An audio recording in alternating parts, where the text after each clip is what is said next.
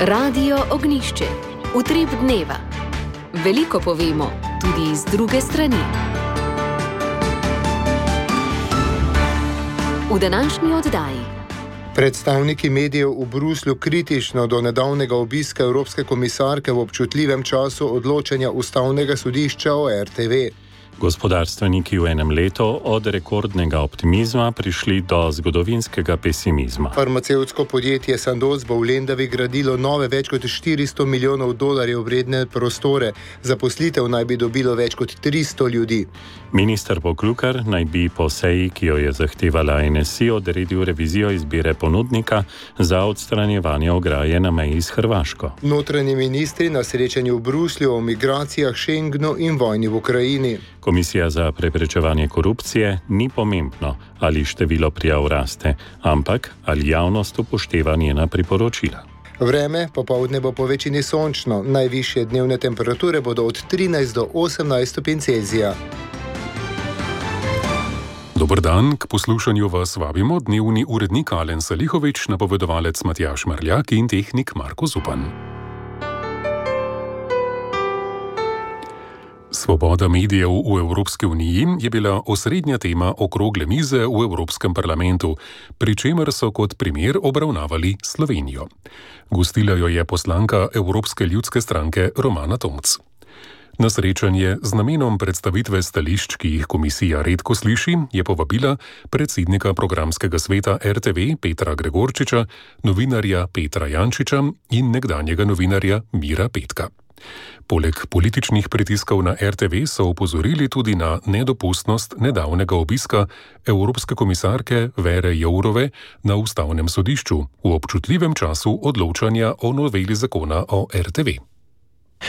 O slovenskih medijih vedo največ tisti, ki jih redno spremljajo in razumejo slovenski jezik, je uvodoma začela poslanka Tomc.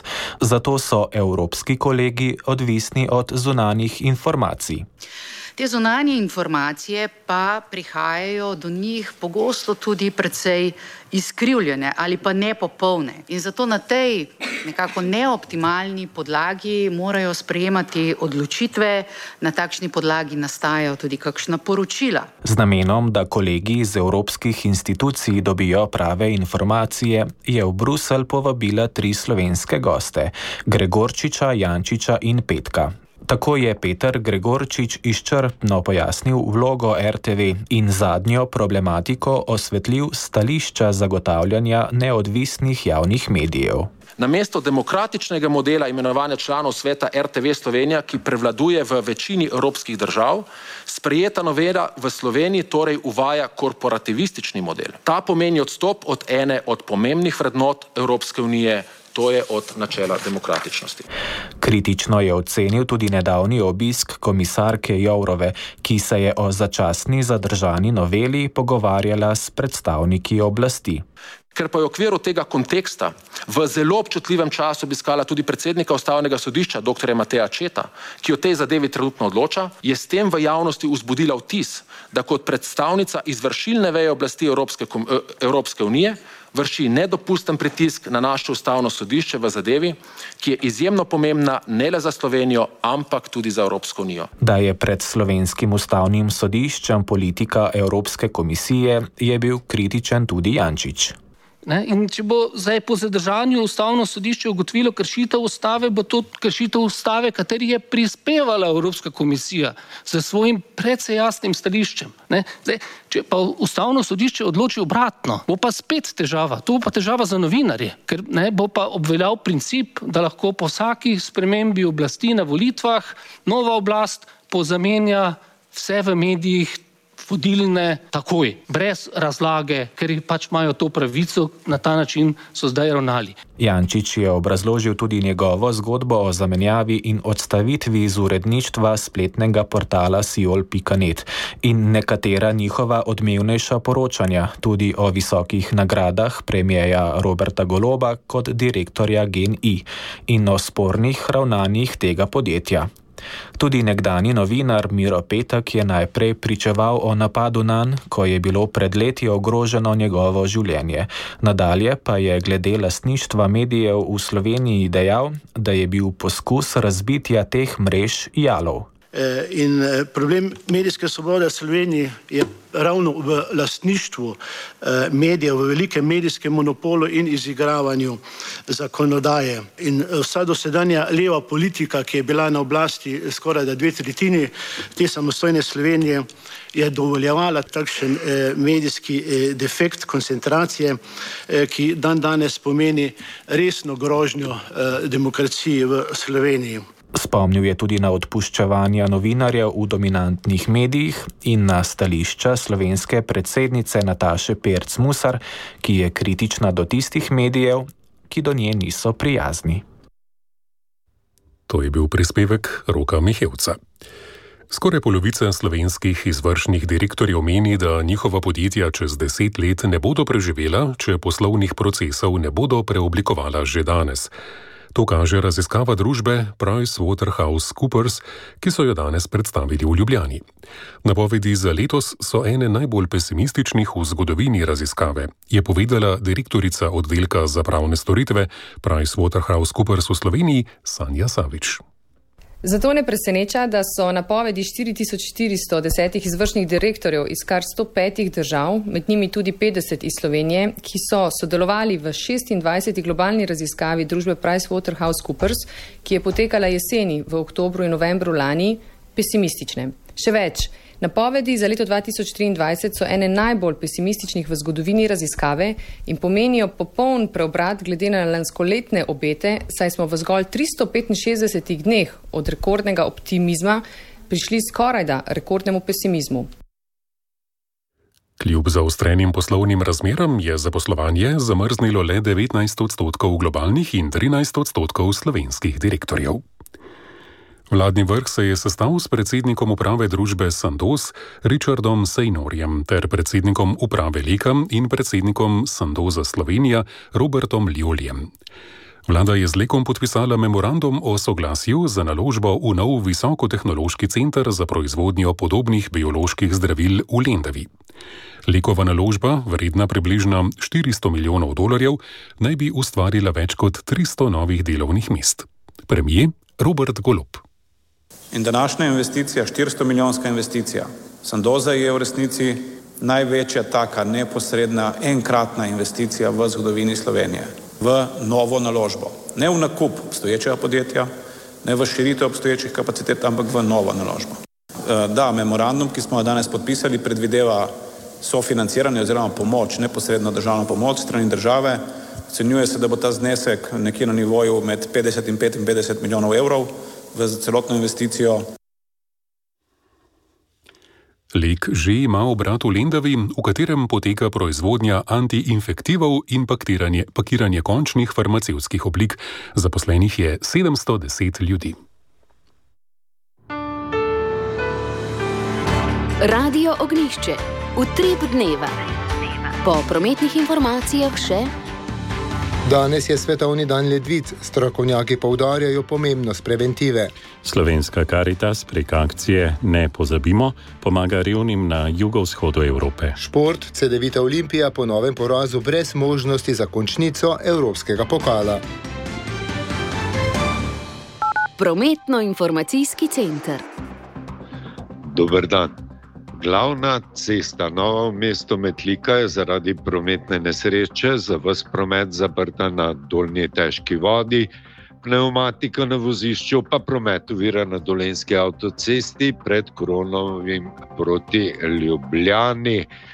Na regionalni cesti Ljubljana med vode je obstalo okvarjeno tovorno vozilo, promet urejajo izmenično enosmerno, policisti v mednem kljub temu pa tam nastaja zastoj.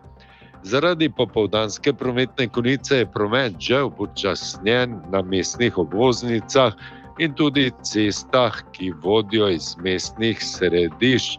No, na Gorenski avtocesti pa bo predvidoma do četrte popovdne promet skozi predor Karavanke zaradi del urejen izmenično enosmerno.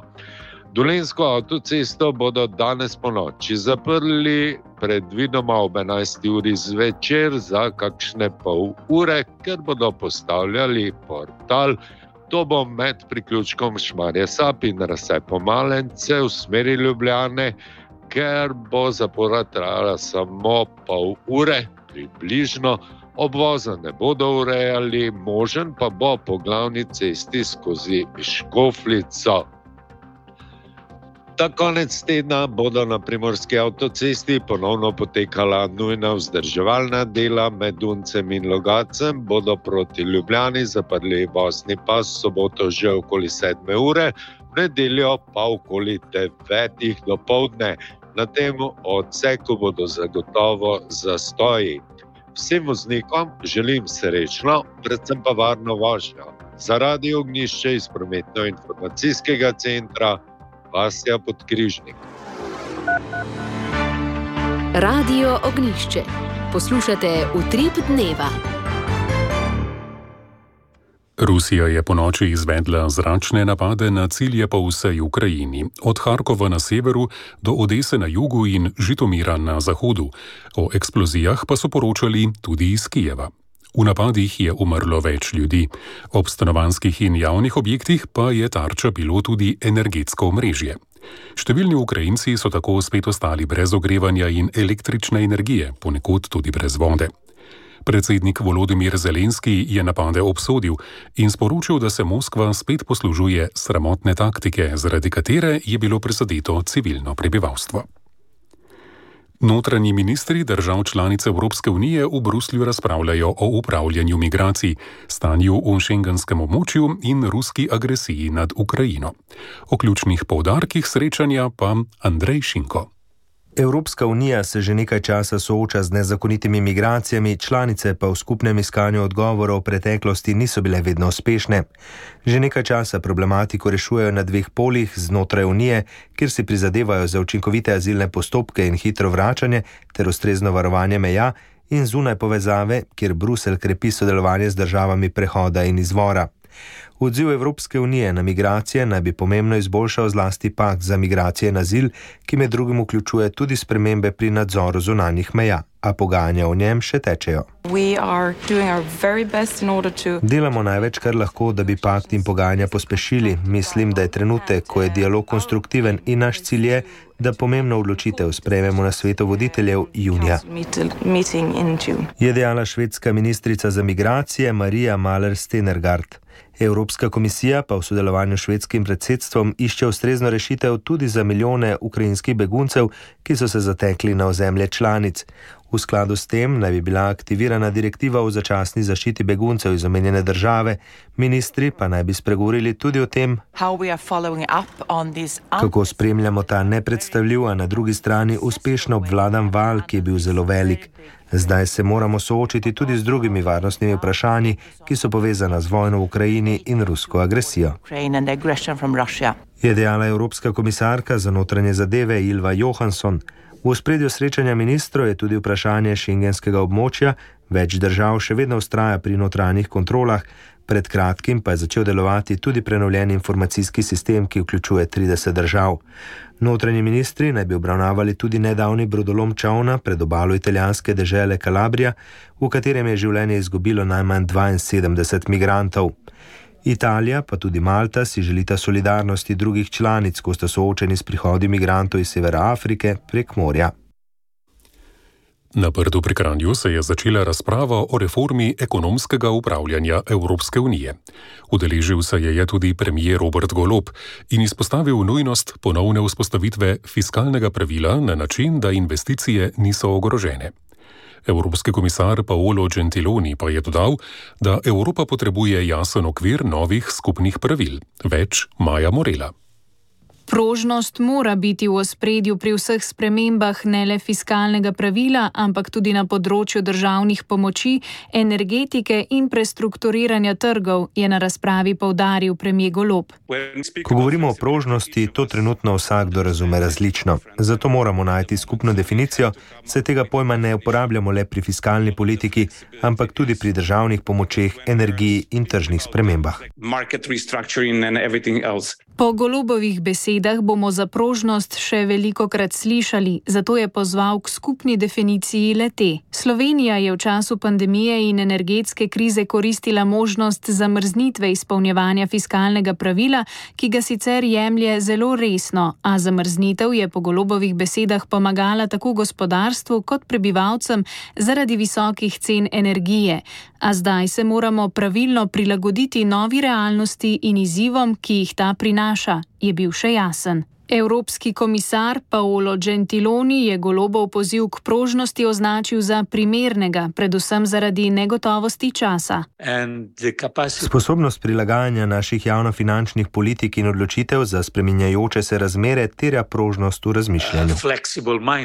Poleg tega potrebujemo še jasen okvir skupnih pravil, je bil odločen.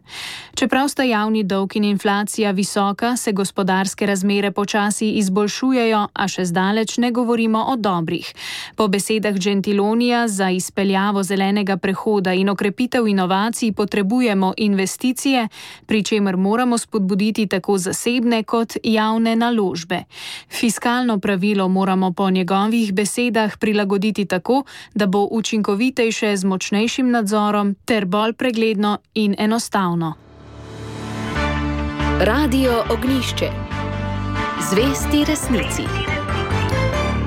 Komisija Državnega zbora za nadzor javnih financ se je danes na pobudo NSI ukvarjala z vprašanjem suma netransparentnosti in resnih korupcijskih tveganj pri postopku oddaje javnega naročila za odstranitev začasnih tehničnih ovir na meji s Hrvaško.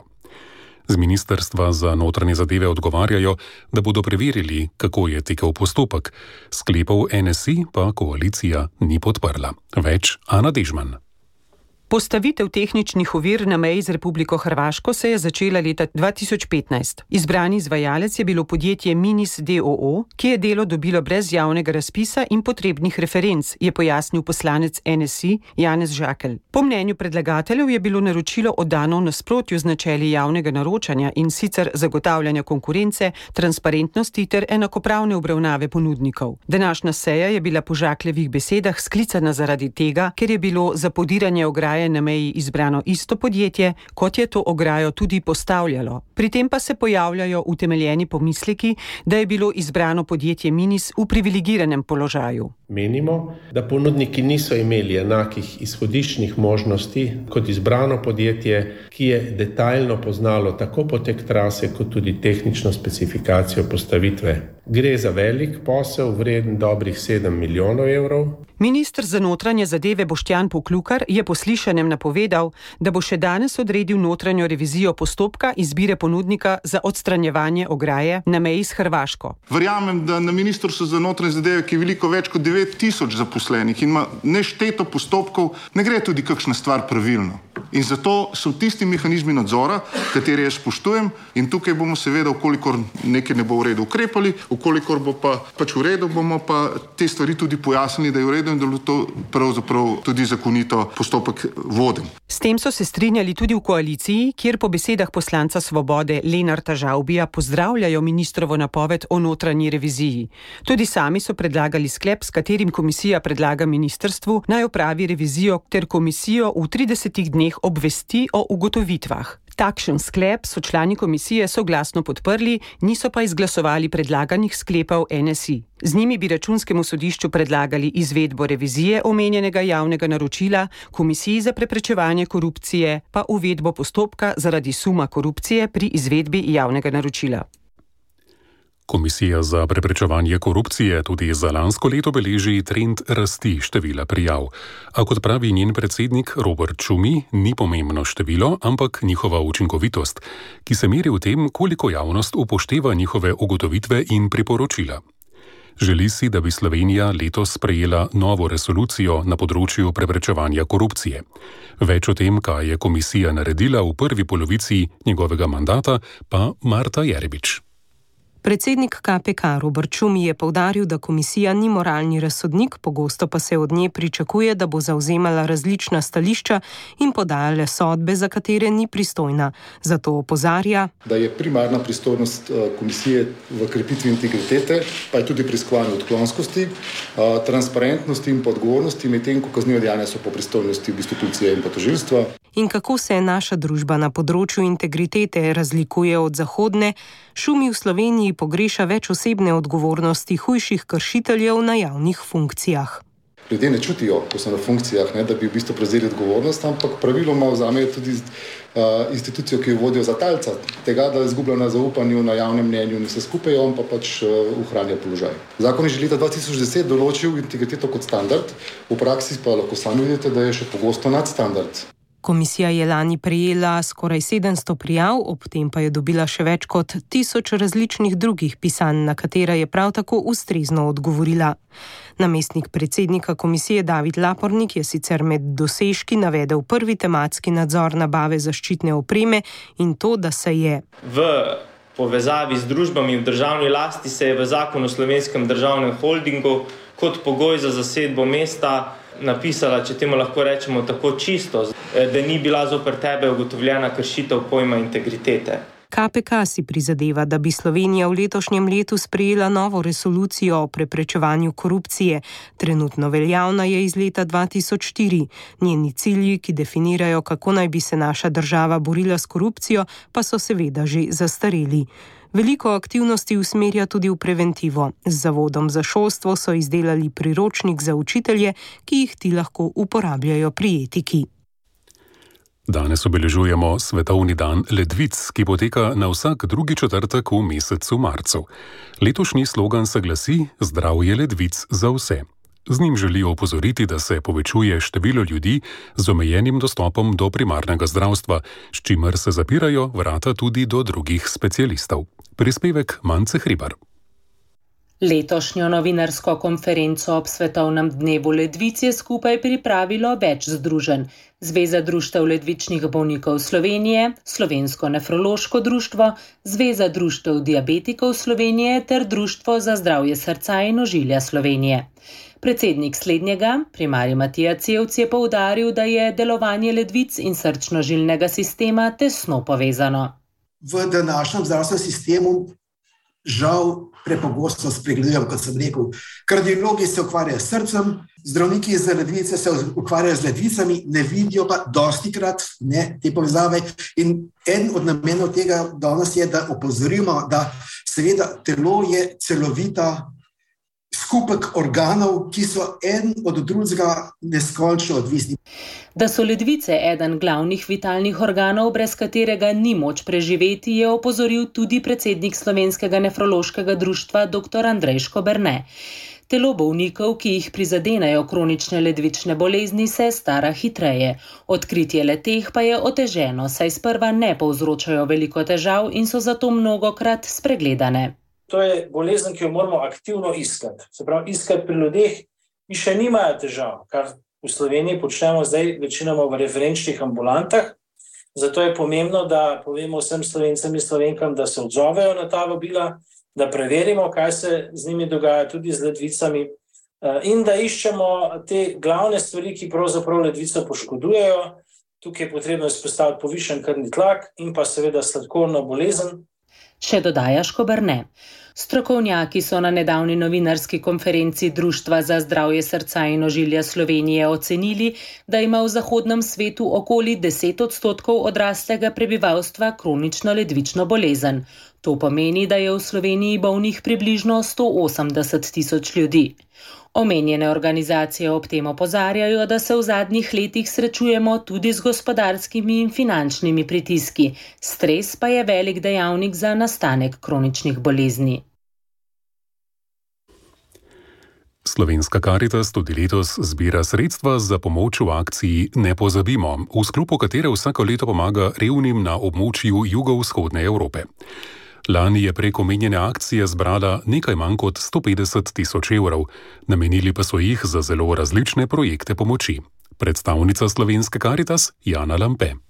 V Sarajevu in Zenici v Bosni in Hercegovini se je podprlo delovanje ljudske kuhinje, za več kot 1200 oseb, ki so vsakodnevno prejemale tople obroke z nakupom gradbenega materijala in prostovoljnim delom dijakov Viškofijske klasične gimnazije se je obnovilo dve hiši družinam v Jelah obih. 147 brezposelnih mladih v Bosni in Hercegovini se je omogočilo poklicno usposabljanje, 31 izmed njih je že dobilo zaposlitev. V Banje Luki v Bosni in Hercegovini se podpira 10 otrok pri šolanju, 100 družin pa je redno prejemalo pakete s hrano, posamezne družine tudi z nakupi za korjave in pri obnovi hiš.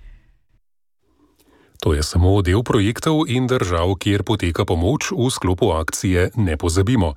Če želite pomagati, to lahko storite z nakazilom na transakcijski račun Slovenske Caritas.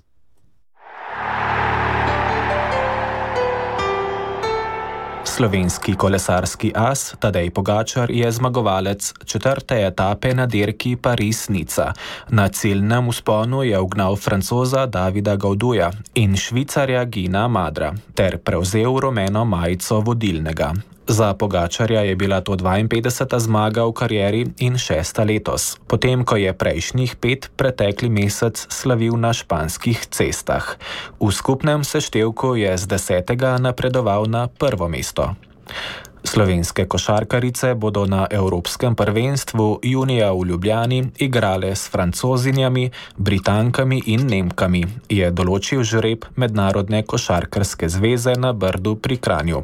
Po besedah predsednika Slovenske zveze Mateja Erjavca je žreb z različnih vidikov ugoden. Prvi je ta tekmovalni, nismo dobili najtežje skupine, sigurno pa ni lahka. Prvi favorit je gotovo Francija. Drugi vidik tekmovanja je pa to, s kom se križaš naprej. To je skupina, v kateri igra Srbija, za katero upamo, da bo prva in se ne bo križala z nami v nadaljevanju. Zelo smo pa veseli tudi zaradi gospodarske priložnosti, namreč dobili smo tako sosedo Mačarsko v Ljubljano kot uh, Srbijo, kakor tudi velike države gospodarske Francijo in uh, Nemčijo, od česar lahko veliko pričakujemo tudi z tega vidika.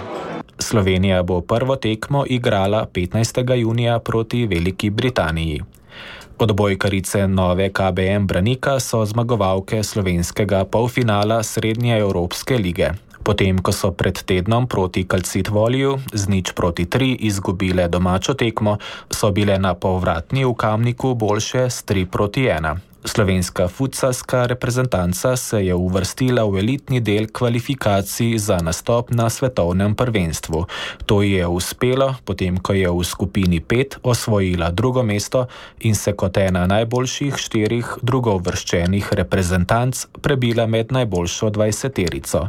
Slovenija doslej še nikoli ni igrala na svetovnem prvenstvu, ki je to prihodnje leto bo, pa še ni znano še na sneg.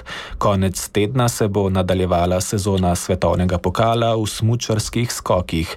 Sledi namreč norveška turneja s tekmami v Oslu, Lillehammerju in Vikersundu. Selektorja Robert Hrgota in Zoran Zupančič bosta na sever odpeljala 11-člansko reprezentanco. Športne novice sem zbral Rok Mihevc.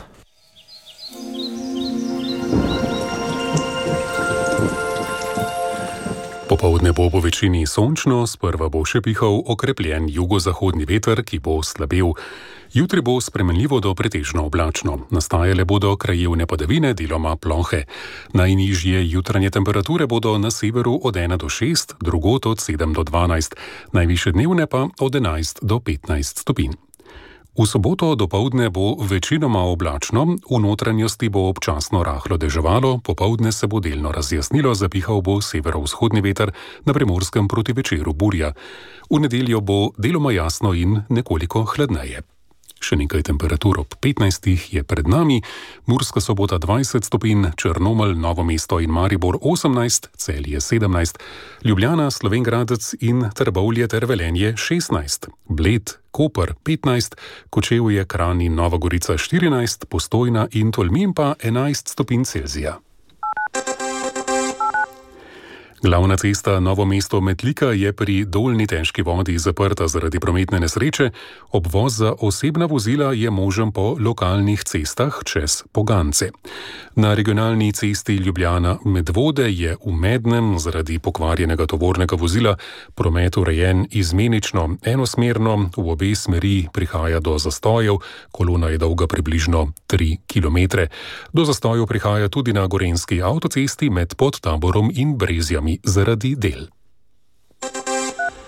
Poslušali ste oddajo Utrib dneva, z vami smo bili dnevni urednik Alen Salihovič, napovedovalec Matjaš Mrljak in tehnik Marko Zupan.